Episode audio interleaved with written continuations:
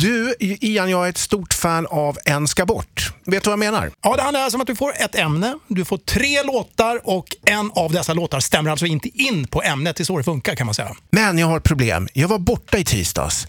Finns det inte möjlighet att, att jag kan få lyssna på den? Slarvpelle! Men eh, självklart, jag har ju alltså klippet här. Lyssna här nu då. Det här handlar alltså om tatuerade sångare.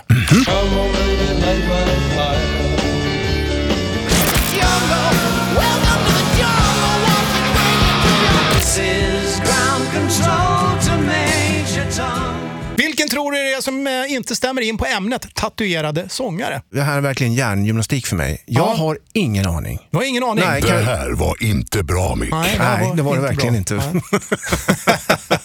Men det är så det brukar vara för mig. Ja, men okej, men vi- vi- vilka var låtarna eh, till att börja med? Kände du igen låtarna? Ja, ja, det gjorde jag.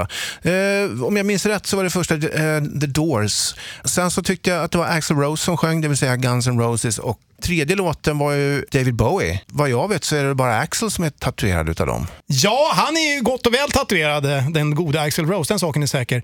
Men rätt svar är faktiskt Jim Morrison från The Doors. Jaså? Han var nämligen så jävla skiträdd för nålar att han eh, vågade inte tatuera sig. Aha. Och eh, så vi kan ju tillägga det också att David Bowie, han hade en liten försynt tatuering i form av en delfin på vänster vad. Åh! Rockklassiker. Klassiker.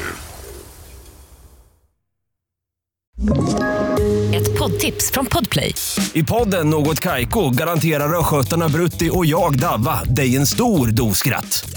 Där följer jag pladask för köttätandet igen. Man är lite som en jävla vampyr. Man har fått lite blodsmak och då måste man ha mer. Udda spaningar, fängslande anekdoter och en och annan arg rant. Jag måste ha mitt kaffe på morgonen för annars är jag ingen trevlig människa. Då är du ingen trevlig människa, punkt. Något Kaiko, hör du på Podplay. Därför är gardinerna.